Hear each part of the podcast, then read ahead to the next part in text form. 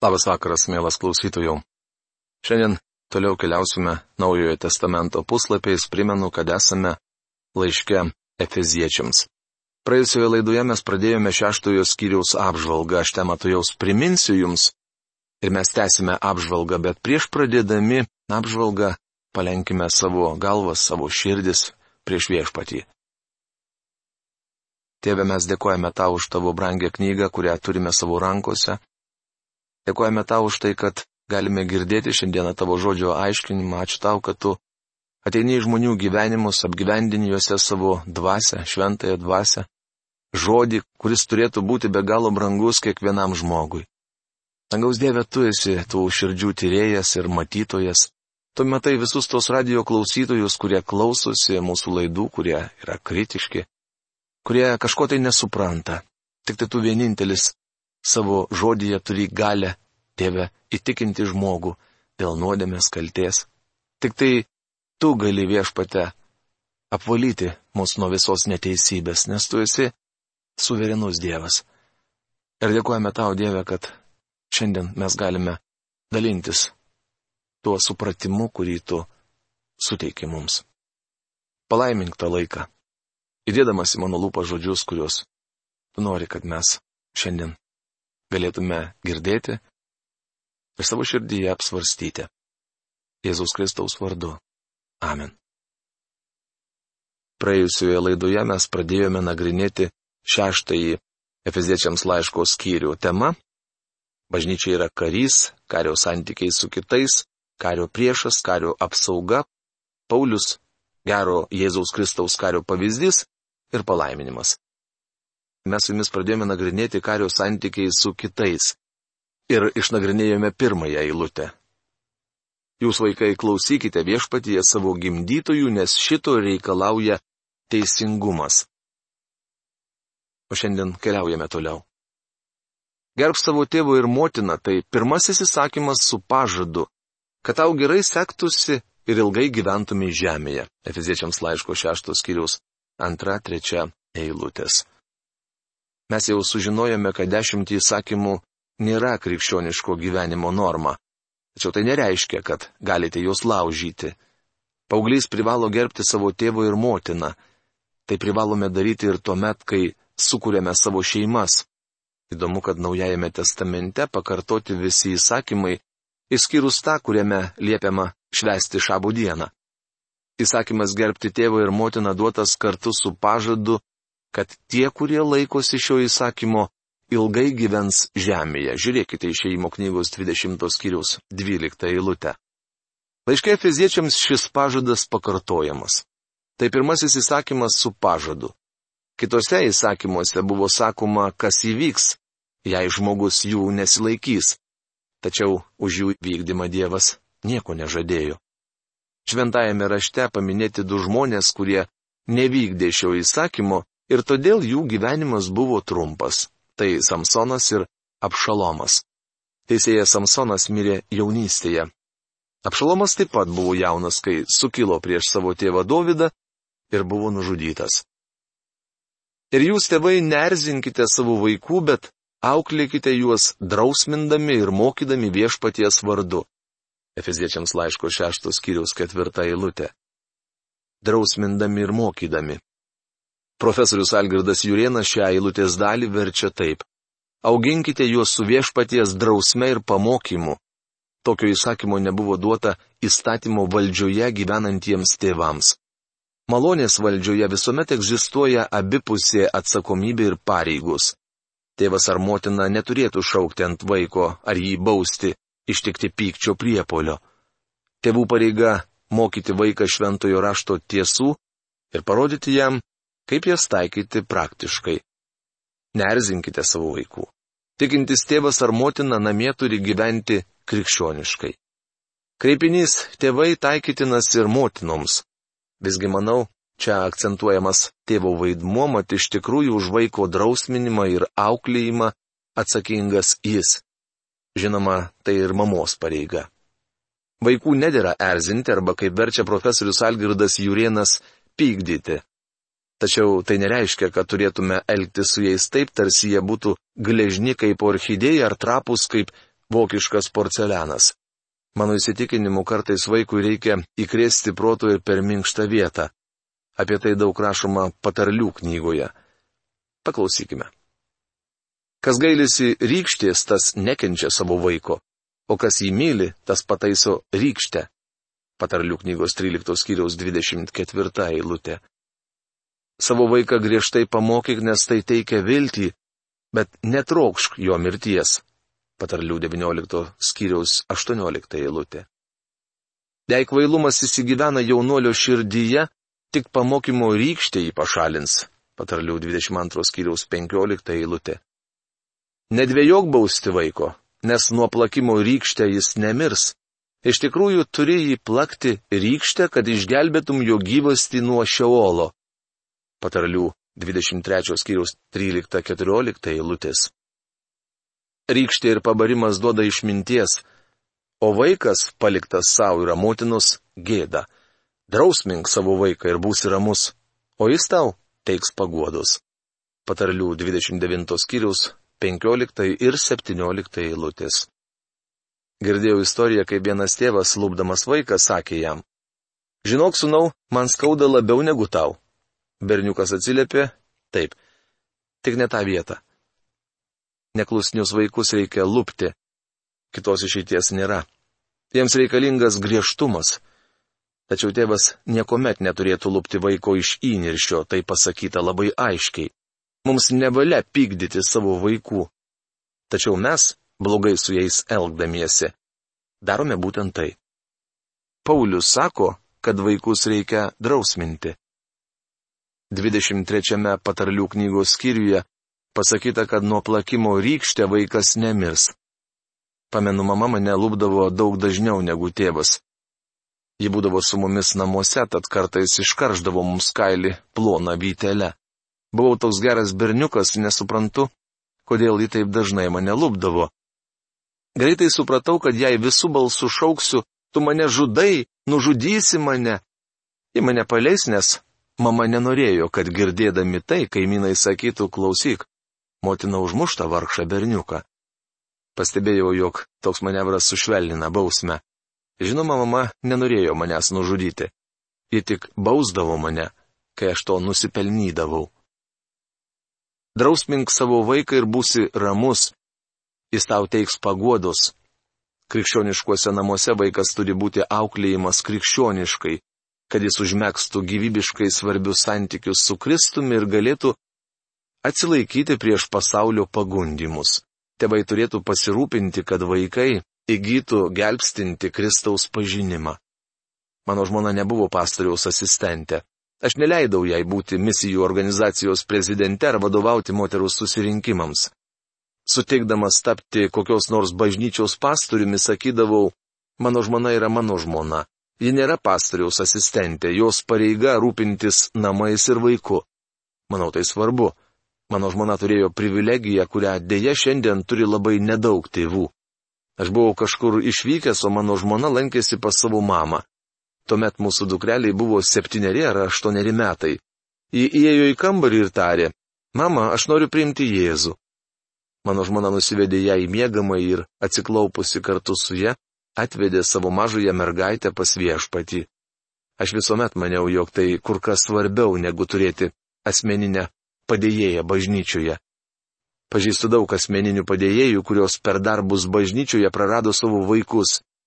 Bičiuli, svarbiausia jūsų pareiga pasirūpinti savo vaikais.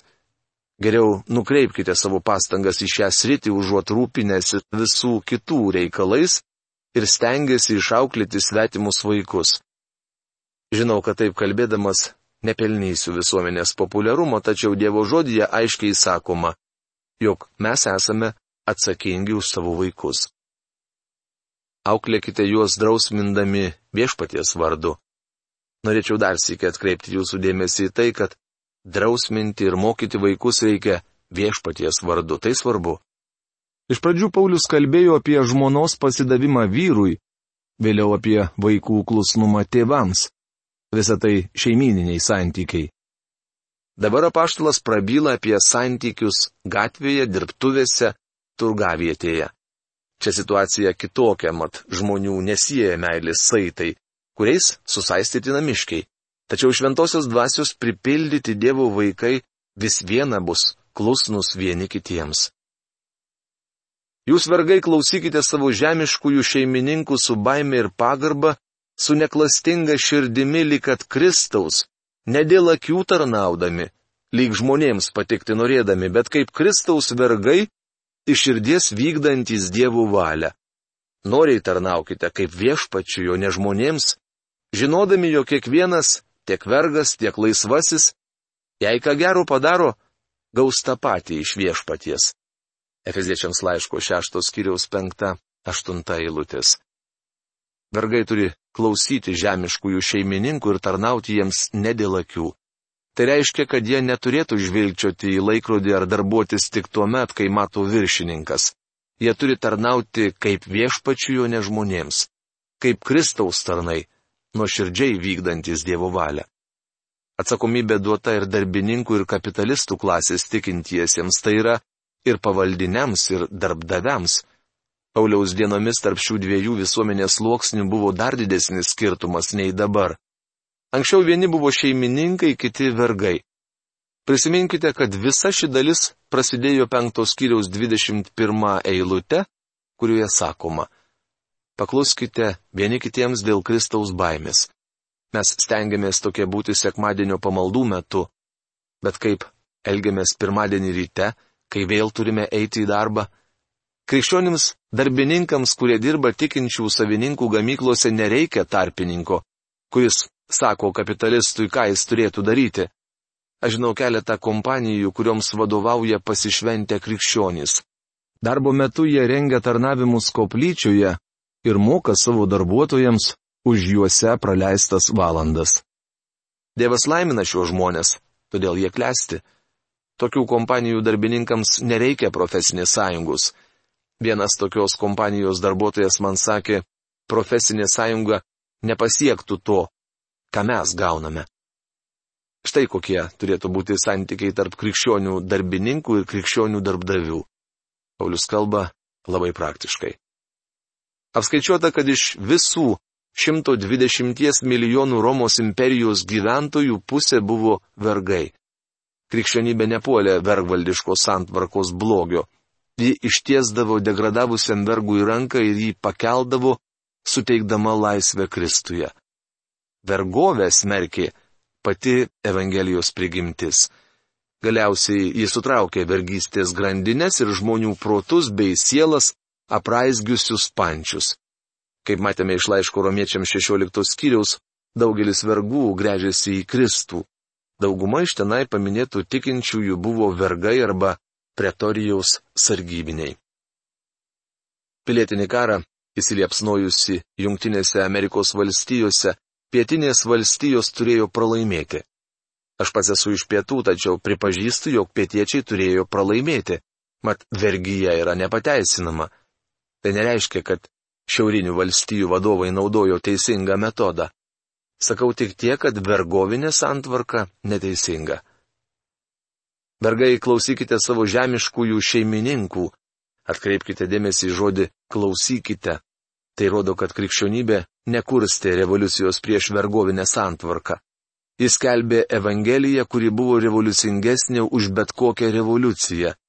Kiekviena revoliucija sukelia blogų pašalinių reiškinių, palieka ilgai kraujuojančias kartėlio ir neapykanto žaizdas. Mūsų laikų žmonės iš anksto nusistato prieš vieną ar kitą rasę, ją diskriminuoja.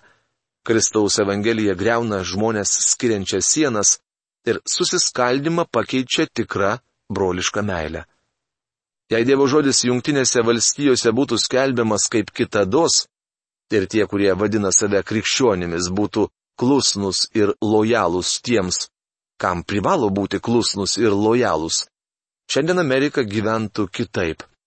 Žmogus nėra krikščionis vien todėl, kad sakosi toks esas ar sekmadieniais vadina save Dievo vaiku. Ar jis tikrai krikščionis galima suprasti iš to, kiek jis ištikima savo viršininkui, savo šeimai, namams, bažnyčiai ir savo pastoriui. Jei žmogus vadinantis save krikščioniu nėra ištikimas šiuose gyvenimo srityse, gali būti, bus neištikimas ir Kristui. Jis tikrai nėra geras Kristaus liudytojas. Vergai, klausykite savo žemiškųjų šeimininkų. Akivaizdu, kad vergystė nebuvo susijusi su žmogaus siela, o tik su jo kūnu. Vergai turėjo klausyti savo šeimininkų su baime ir pagarba, arba, kaip verčia profesorius Algirdas Jurienas, su baime ir drebėjimu.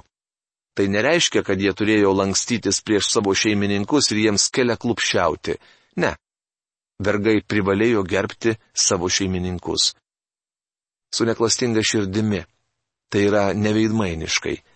Vergai neturėjo pataikauti šeimininkui, kai šalia, ir keikti jo, kai jis negirdi krikščioniui nedėra taip elgtis. Vergas privalėjo klausyti šeimininko kaip Kristaus, verčia profesorius Algirdas Jurienas. Tai rodo, kad vergas nesivadovavo niekinga nuostata dirbti kiek galima mažiau ir tik tada, kai stebi šeimininkas. Dabar jis Kristaus vergas ir Kristus jį išlaisvino. Jam reikia žiūrėti ne į žemišką į šeimininką, bet stengtis patikti dangiškajam šeimininkui. Žemiškasis šeimininkas galėjo valdyti tik vergų kūnus. Tuo tarpu Kristui vergai paveda savo sielas, visą savo asmenybę. Prisiminkite, kad Paulius vadino save Jėzaus Kristaus vergu. Noriai tarnaukite.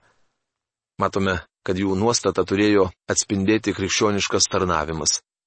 Kai Dievo vaikas, vergas ar šeimininkas, darbuotojas ar darbdavys pasirenka gyventi taip, kad patiktų Kristui, Jis lengvai peržengia kliūtis, skiriančias darbininkų ir kapitalistų klases.